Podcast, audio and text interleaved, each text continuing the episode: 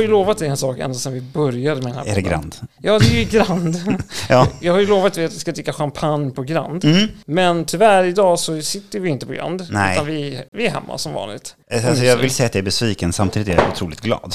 Ja, fast samtidigt inte. För jag tror ändå det här kommer bli ett väldigt bubblande avsnitt. ändå. Ja. För vi ska ju nämligen dricka champagne med Rickard Julin. Oh, Ja, ja, champagneexperten. Exakt. Nu får man tänka lite på den här låten, vad heter den? Julie, Julie, Julie, Julie. Ja. Exakt. Ja. Den har jag hört några gånger. Jag har hört det. Ja, självklart. Så att eh, det är champagnedagen idag. Ja, det är ju det. Precis. Så att eh, vad passar då bättre än att sitta då med Rickard Julin och Mm. dricka champagne? Så Fett. välkommen. Ja. Tack så hemskt mycket. Hur mår du? Jag är lite bakis, men annars är det bra. Ja, det är, Jag är inte pickar så... på mig när jag kommer och sätter mig här. Och så. Ja. Eller hur? Men eh, vi ska ju dricka två olika champagne med dig idag. ja, jag har lite svårt att antingen så njuter jag som 17 så tar jag fram det allra bästa. Någonstans så. Eller så har jag nästan alltid ett batteri av nya sorter som jag behöver prova. Eh, för att få fler till min databas i min Champagne Club. Eller Just till nya böcker. För att det är en stor bit av mitt arbete. Det är att uppdatera mig och prova nytt. Men det är ändå intressant så här. Man brukar säga det, gammal kärlek rostar aldrig. Nej. Du har ändå hållit på med det här snart 40 år va? Ja, Och du har inte det. tröttnat en enda gång. Jo, många gånger. Ja. många gånger emellan. Men jag tänker så här, innan det, bubblorna försvinner, kanske Ja, vi vi ska måste- skåla in Ja. fredagen Ja, och liksom bara påbörja processen och sen kan vi ställa massa Men, frågor. men kan vi göra så här då? För att en av de viktigaste bitarna när Mm. jag provar sånt där, det är ju att mitt första intryck får inte bli stört. Nej. Så att jag kommer gå in i min lilla mentala bubbla, så Mm. kan ni sitta och bubbla på hur mycket ni vill. Helst att vi, vi provar samtidigt. Men då är bara en snabb fråga Ja. om du bara kan introducera hur man bör tänka när man ska smaka. Ja, ja men jag, jag kan visa tekniken. Mm. Framförallt så det är bra att du säger hur man ska tänka, för det är egentligen viktigare än den tekniska delen. Mm. Och det är egentligen att man ska vara hundraprocentigt koncentrerad. Så Mm. koncentrerad du klarar av att vara. Men att man är helt beredd att ta emot alla intrycken och sen försöker man sätta ord på för sig själv och sen kanske, jag måste göra det för andra också och berätta vad man hittar. Utseendet som vi redan har sett att det är den ena är en rosé, den andra är en vit. Men den viktigaste biten det är när vi snurrar på glaset och sen doftar man för där får man mest information. Och sen så tar man en stor klunk och surplar, det är det jag, det, är det jag kör. Den stora klunken är väldigt viktig därför att man får en längre kontakt med smaklökarna. Och den här tiden gör då att det blir som höja volymen ungefär på musik. Just det. Och eh, sen också att man andas igenom vinet säger jag, för det gäller alla viner fast det, det blir extra tydligt just med champagne, med bubblorna då. Att man drar in luft och så frigör man massa aromer genom bubblorna så spricker de mot gommen. Och så kommer man att få smakintryck som är kopplat till doften genom att man drar in. Så att man använder både doftsinnet och smaksinnet när man smakar. Eh, och det är väldigt lätt att glömma det där. Och champagne är ju en sån social dryck så att de allra flesta är ju bara skål och välkomna och Exakt. hallå vad Precis. kul och Ja. så festar man på. Och då stannar man inte upp och med tanke på att det är 30 miljoner år sedan jordmånen och de sakerna som hände på plats där skapade grunden för de här unika förutsättningarna. Och 2000 år sedan romarna planterade det här och 150 år sedan som eh, just de här producenterna här började göra vin på det här sättet. Så känner jag i alla fall en jäkla respekt för att det här är seriöst jobb. Väldigt tråkigt om det bara festas upp utan att man reflekterar.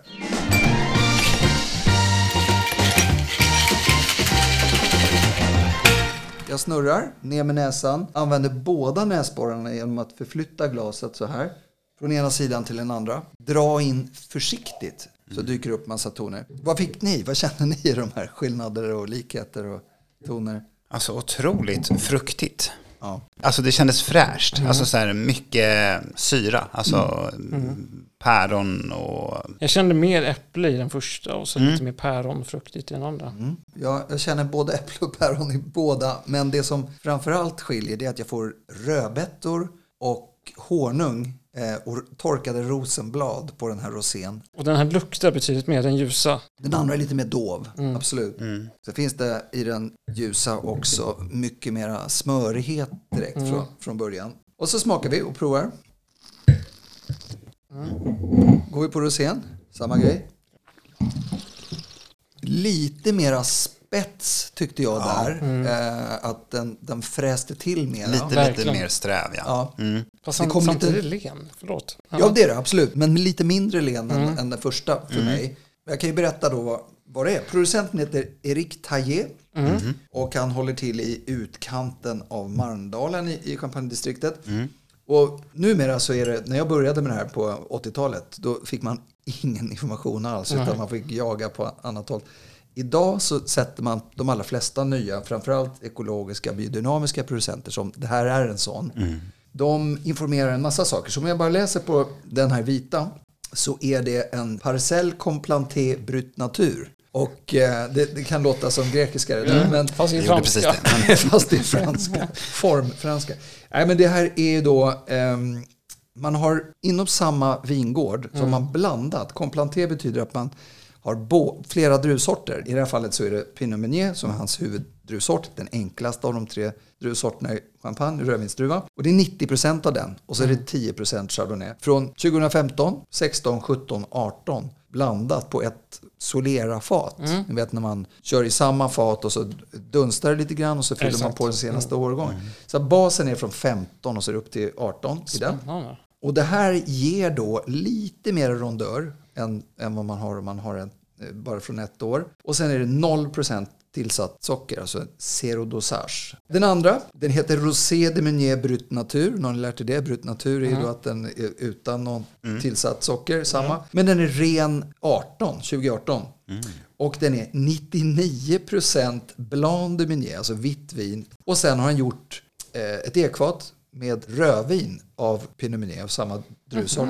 Och den procenten ger den här färgen då. Så att man brukar ha, behöva kanske 5 procent eller någonting sånt för att få färg. Men här har man lyckats få till en, den är inte men att- jätterosa. Nej, men den, man Har märker ju skillnad på dem. Det Ja. gör man ju. Det är lite kopparton eller Ja. brons, någonting sånt. Precis. Ja, gå tillbaka till smakningen här. För att en, en sväng till behöver man för att kunna hitta allt. Då skulle jag beskriva så här att båda två, man tar den första doften, det, det är ju den här väldigt fruktiga. Du, du, Ja. det, har, du har helt rätt där, att det är liksom det som slår en mest. Nästan lite tropisk eh, not över det, men grundtonerna är ändå äpple och päron i båda. Sen har man då lite starkare äpplighet, lite mera till och med sådär lite mo- Ja, äppelmoskaraktär verkligen. i eh, den vita. Men båda har en, en rondör, en, en stor rik frukt. De är kanske lite korta i eftersmaken, kommer jag skriva då i jämförelse med, med många andra. Poängmässigt så kommer jag hamna väldigt nära varandra de här. Jag kan inte säga med en gång att den ena är bättre än andra. Nej. Jag tror att jag skulle gå mer mot chèvreost eller någonting Oh, sånt ja. till eh, rosén. Och jag skulle förmodligen eh, köra kyckling, fågel eller någonting sånt Ja. till den vita. Får man säga typ is, eller vad heter vaniljglass också kanske? Det, som ton eller till? Nej, till. Nej, det går inte. Nej, det går inte. Nej. Okej. Det var... Nej, men det, det finns några sådana här, Tack, hej. det, de svåraste sakerna, eller största no-nos med, med champagne, det är allt sött egentligen. Och det var lite kul för jag var i mataffären häromdagen så var det en kille som kom fram och sa du, det, visst är det du som är Rickard Julin? Ja, det är det. Jag ska just ge bort en flaska guldkula som jag har varit med och, och hjälpt till att ta fram. Och sa, vad, vad ska jag ge till? Eh, vi vi eh, måste ju äta någonting. Och sa ja du kan köra lite, jag såg att de hade salmalax här, du kan köra den. Eller så kan du ta till guldkulan, ja du kan köra en sallad. Och så började jag prata lite sånt. Ja, men så mötte jag dem i kassan, vad blev det? "Ja, Jag köpte choklad. Ja. Och det går verkligen inte för då har får man en otrolig beska. Ehm, om det är surt först så blir en, en, eh, syran i champagne förvandlas till beska ihop med uh, sötman.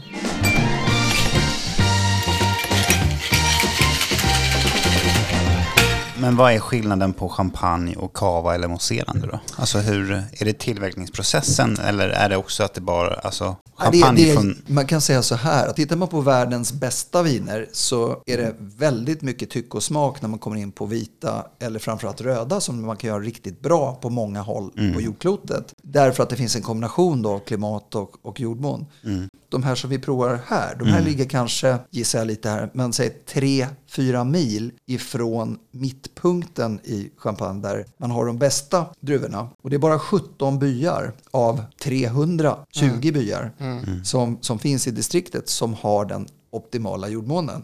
Så att även inom champagne så finns det ställen, och här är ju duktig producent som får ganska enkel, i förhållandevis enkel jordmån gör det väldigt bra. Den är bättre än allt som finns i resten utanför Europa. Det enda som kan tävla med den här biten är de engelska som börjar komma som är den närmsta utmanaren. De kan vara de bästa ungefär på den här nivån. Men de kostar då mer. Så prisvärdheten är inte riktigt där än. Min följdfråga är varför ska jag som konsument välja champagne före mousserande, alltså på bolaget eller liksom? För det är oftast ett dyrare, Ja, men, men då får man ju också någonting annat. Ja, Jag, jag tycker så här, det, det är klart att prata egen sak. när Jag säger att det är klart man alltid ska välja champagne. Men jag kan ju absolut förstå att man inte vill sätta sig in i det. Man, man är inte tillräckligt intresserad. Nej. Och vad, vad ska ett champagne kosta? Alltså så här, finns det också så här att det går en gräns där det bara är show-off? Alltså så här, jag kan betala 200 000 kronor för en champagne. När jag började, eller de första tio åren jag höll på, då, var det ju, då upptäckte jag en massa prisvärda fyndchampagner. Det var nästan alltid små odlare, okända namn. De stora namnen var alltid för dyra. Det, det var den generella. Det är svårt att hitta någonting där man kan säga sådär totalt, oj, det är helt galet prissatt åt det eller andra hållet. Så att eh, det kommer varje år någon speciell årgång från någon producent som är lite mer prisvärd än en annan. Men det hade varit det bästa tänkbara för mig att alltid kunna rekommendera och säga just nu ska ni köpa den här. Men det är inte riktigt så därför att det mesta ligger rätt i pris. Så det är mer en fråga om ja, vad ska jag använda champagne till idag? Ska jag ha den på den stora middagen? Ska jag, ska jag gå ut och sätta mig i solskenet en, en varm sommardag? Då, då väljer man an, olika typer av champagner. Och sen vilken prisnivå man, man själv vill lägga sig på. Där ska jag säga, börja absolut med att testa lite andra avancerande viner. Om man är intresserad. Sen tar man med en champagne och så kommer man förmodligen upptäcka att Ja, just det. det är skillnad. Det är skillnad. Och sen så kommer det ge sig självt för att till slut så blir det sådär. Det var ju så med alla mina kompisar. Att, Jäklar, du har gjort det dyrt för mig. För att, den var ju dubbelt så bra. Den kostar flera, Ja, exakt, ja. flera hundra lappar mer. Men det finns tyvärr inga Nej, det finns tydliga svar, nej. gränser. Men lite grann som Alf också sa att om du inte är alltså, nyfiken på priset, titta på distriktet. Alltså nu ser du att det finns 320 byar sa någonting Ja, i champagne. ja. Att man kanske testar olika distrikt och ser Ja, ja. vilken distrikt man tycker är... Ja, definitivt. Och de här två som vi provar nu, det här är lite udda stil. Dels är det ek- ekologiskt och, och biodynamiskt och sen är det utan socker. Och sen är det Pinot Meunier som är den minst kända och lite mest udda drussort. Och lite smakfråga vilken stil man gillar bäst. Då. Och- Alltså, det alltså jag har aldrig upplevt champagne så här. nej, inte så här. Nej, alltså det har ju bara varit i festsammanhang. Som du säger, det är en snabb skål, man dricker. Man, man reflekterar inte över vad man dricker på det sättet. Utan det blir så ytligt och det blir så snabbt. Men när man får då just känna in, alltså ta in atmosfär och allt. För du har ju pratat mycket om platser också. Att liksom uppleva en plats i samband med dryck gör ju också så stor skillnad.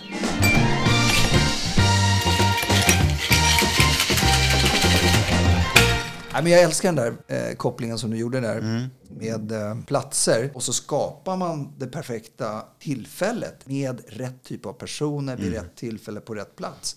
Det, det är ju det är livet. Det är ljuvligt. Ja, det är Ja. spännande. Men hur mycket har glasen, nu har ju du egna glas med dig, men Mm. hur mycket har glaset betydelse för upplevelsen i sig? Ja, jag har ingen procentsats, Nej. eh, men, men det är en stor del. Ja. Det, det, du kan, det är alltid värt att skaffa sig bra glas för att du... eh, Men är det en, en smal topp man ska ha? Eller vad är... Vad, Titta på mina här nu då. Mm. då du ser, den här är ganska klassiska sådär, tulpanvarianten. Mm. Den kan vara ännu lite bredare men det är ganska stor skillnad mellan midjan och, och öppningen. Mm. Och det ska det alltid vara. Era glas tycker jag, de är bra men de är lite för stora. Det är bubblorna och förmågan att hålla temperatur. Mm. Så att det blir en kompromiss. Man skulle kunna ha stora rödvinskupor i några sekunder.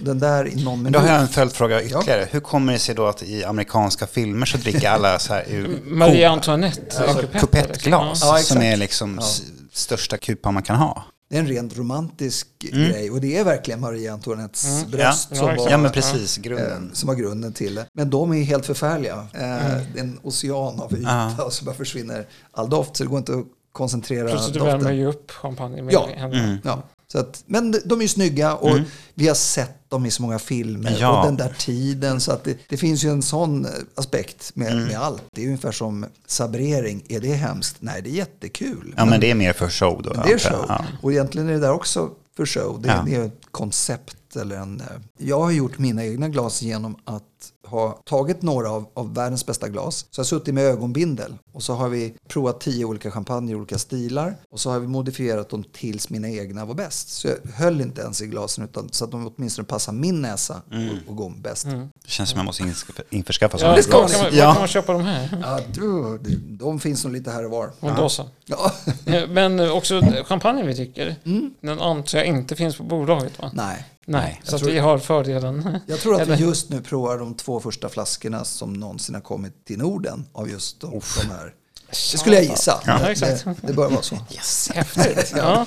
Ja. Och de är goda, eller hur? Ja men alltså jättegott och nu när jag drack den här, ja men kopparen, eh, nu när den fått stå till sig lite så upplevde jag andra smaker och att den Ja. också blev godare. Ja. Men ska vi ta eh, fredagsdrinken-skala på det här också kanske? Ja men det kan vi göra, det Ja. faller ju lite. Med tanke på den här upplevelsen, ja absolut. Men, men, men men jag tycker ändå vi ska, för vi kan inte tappa det. nej vi får inte tappa vårt koncept. Nej. Eh, det blir jättemärkligt.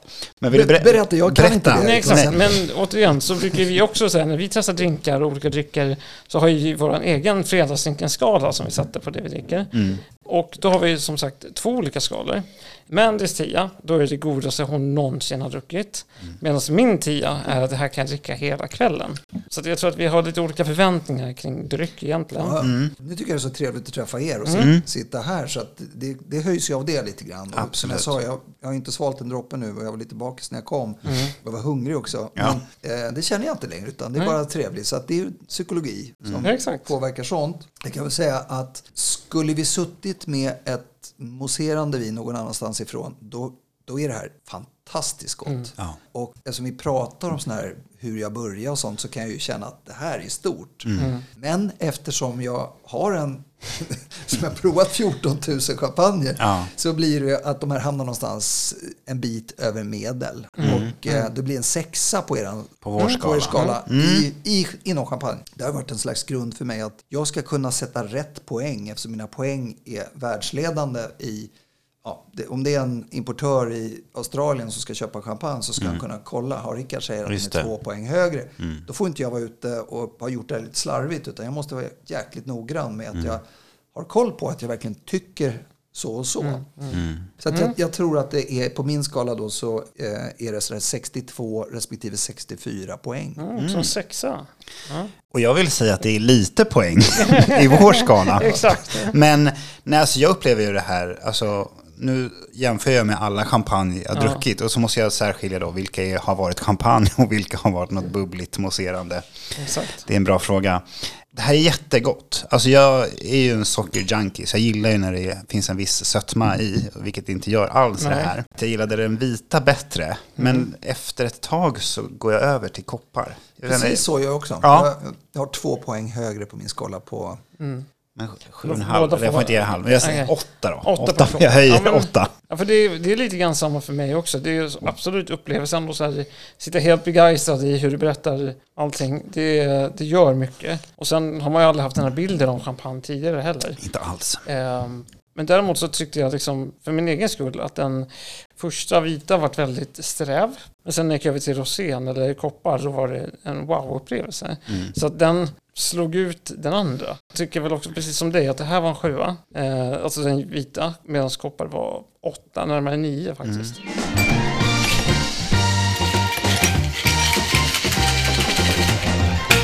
Vad är champagnemetoden? Champagnemetoden kan ju man köra precis var som helst. Ja. Eh, Så att den är inte skyddad så att ingen annan får använda den. Utan Nej. enkla svaret är Ja. att, man har en andra jäsning Okej. i, i butelj. Och vad innebär det? Jo, Mm. man har alltid en första, man, man skördar, man skördar för hand. Det enda distriktet i, i världen där det är lagstiftat att man inte får ha maskiner som, som skördar. Mm. Och främsta anledningen det är just sånt här som vi ser med den här procenten här. Ni ser, att- vi sa att det var en procent av den här färgen. Ja, exakt. Och eftersom den första som är helt vit eller gulvit, Mm. den är från rödvinsdruvor. Och färgen sitter i skalet. Så om ett skal det. krossas Mm. i, eh, när man är lite oförsiktig i transporten från att man skördar dem. Så då kommer det färga. Så då skulle nästan all champagne vara rödaktig. Och man vill ha den här klara lysande färgen. Sen gör man en alkoholjäsning som man gör på alla viner. Sen ska man göra en cuvée, en blandning. Där man bestämmer sig för det här är vårt recept. där är ju då en enorm skicklighet och erfarenhet bland, hos de här som sitter och blandar, vinmakarna. Sen buteljeras de med de här procentsatserna som man har bestämt. Och då tillsätter man jäst och socker inuti buteljen. Och då sker en, en eh, andra jäsning. Det är själva champagnemetoden. Eh, Jag och börjar känna att det här börjar gå upp mitt huvud. och jag bara spottar och fyller på. Eh, och sen så ja, då höjs alkoholhalten 1,5 procent ungefär av den jäsningen. Plus att det bildas koldioxid som vill ut och det kapslas in och blir kolsyra. Ja, det, det är så häftigt det här men så jag vet inte. Nej, alltså jag har, jag har lite lyssnarfrågor. Ja, Eh, inte jättemånga, men tre stycken. Men Ja. jag tänkte att vi Ja. kan nu ta dem. Ja. Här var en som skrev, varför blir man mer bakis av champagne än vin? Fan vilken bra fråga, men helt fel ställd. Ja, För det är nämligen fel i grunden. är det så? Nej, Ja. det, det kan mycket väl vara så att den personen som ställt den så stämmer det. Eh, det fysiologiska biten är då att eh, i och med att det är så naturligt gjort det, så finns ingenting som tröttar en. Det finns Nej. alltså inga histaminer och inga Nej. tanniner och sånt i dem. Så att eh, det är väldigt rent. Så att det enda som inte är perfekt då, det är ju alkoholen. Men det kommer i sin renaste form. Så att eh, man kommer att kunna dricka ganska mycket mer av, Oh ja. av det här eh, än mycket annat med samma alkoholhalt. men kan det inte också vara som svar på frågan här att det kan vara så att personen i fråga har druckit icke-champagne Ja. som innehåller Ja, det kan ju som, mycket väl nej, men- vara så. nej, men som innehåller sulfiter. Ja, Och absolut. sulfiter ger ju hög, Ja, absolut. alltså, det det framgår inte i frågan. Nej, men exakt. men det kan ju vara så att den mycket... personen precis nu har lärt sig att champagne är champagne och mousserande Jag tror det var ett jävligt annat. bra svar. Ja, jag gillar det. Ja. Blir champagne alltid bättre av att bli lagrad? Eh, nästan alltid. Nästan inte, inte riktigt. Alltså, den här första lagringen, den, den måste ske för att det ska bli champagne. Mm. Men om man ska lagra vidare själv efter att den kommer ut på marknaden, ja, då ska jag säga 9 av 10 blir bättre. Min bästa champagne, den är från 1928. Mm. Och eh, de allra flesta champagner som jag har riktigt höga poäng på, det är 60 och 50-talare. Mm.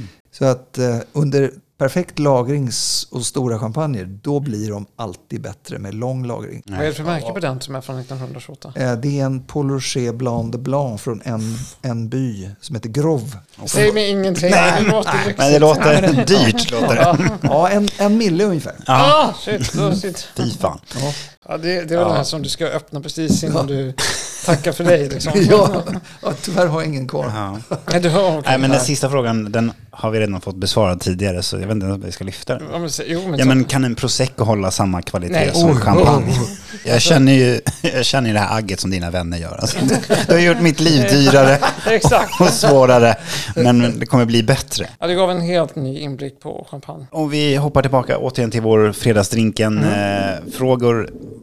Vad är ditt fest, bästa festminne? Oj, bästa festminne. Fasen ska jag komma ihåg det där. Ja, men, fått en superkund, Singapores rikaste man. Han, han hamnar på en provning och sen så hyr han in mig gång på gång. Så jag, jag flyger dit i tid och otid och det är bara massa high shots på alla platser. Och sen en gång så säger han, eh, nästa gång du kommer så ska jag ha en fest hemma. Han är en av världens största vinsamlare. Och då har han eh, frågat mig lite vilken typ jag tycker är bäst om. Då säger han, de bästa röda bourgognerna, det är nog de jag tycker är godast. Och sen, det tycker jag också. Och så diskuterar vi, vilket år är bäst just nu då? För han dricker det mycket mer än vad jag gör. Så ja, 85 men på Jeroboam, alltså dubbelmagnum från DRC, en av de mest kända producenterna. Eh, den är nog godast. Så här, Fantastiskt. Och då har han till den här middagen, så ser jag plötsligt, kommer han med de här priceless bottles. Just det. Alla tre. Och ska ställa, då, i mina rödvinsglas har han köpt in, så jag har de här framför mig. Och jag smakar den första som ska vara den enklaste och tänker att det här är nog det bästa rödvin jag druckit. Oj, Och jag tror att det här kan bli 100 poängen. Och sen så tar jag nästa, så är den ännu lite bättre. Så avslutar jag med Romané Conti, Jeroboam, 1985. Och jag får tårar i ögonen, sitter för mig själv, går in i någon slags paradisvärld och hör bara det här kacklet runt omkring mig i, som något bakgrundsbrus. Och kommer så djupt in i detaljerna i det här helt obeskrivliga vinet. Alltså. Ja. Nej, men det är alltså, jag, kan leva in mig i känslan. Ja, men jag var där. Ja, exakt. alltså, I din story så var jag där. Ja, men jag, drack, jag drack säkert en flaska av den där. Sen, Shit. Det var inte så att man spottade där. Ja, det här är så sjukt gott också. Alltså- det, det, det, Ja, den Det blir godare och Det, godare. det blir faktiskt godare och Ja. godare. Har du sociala medier? Eh, Man kan det, följa har, dig. det har jag säkert. Nej, jag, jag har inte själv, men Nej. jag är med både på Instagram och sådär. Men framförallt är det champagneclub.com. Det är där man ska gå in. Och Ja, yes! exakt. Och är det så att man har lyssnarfrågor eller eh, frågor om champagne eller drinkar eller vart mejlar man då? Man mejlar till info at fredagsrinken.nu. Va? Va? Nej, förlåt. Vad hände där? Var det Det, jag är så borta just nu. Eh, Man mejlar till podcast at fredagsrinken.nu. Ja, och vi har även sociala medier som Exakt. Instagram och Facebook där vi heter Fredagsrinken.nu på Instagram och Fredagsrinken överallt annars. Ja, vara tusen tack för att du kom hit. Så att eh, köp en champagne. Ja men alltså, gå till bolaget och köp en... Champagne. Ja. Vilken fredag! Ja, Vilken underbart. fredag. Skål! Sista klunken. Ja. Ja, Jag tar en rosa ändå. ja men gör det jag också. Jag går på koppen här. Skål!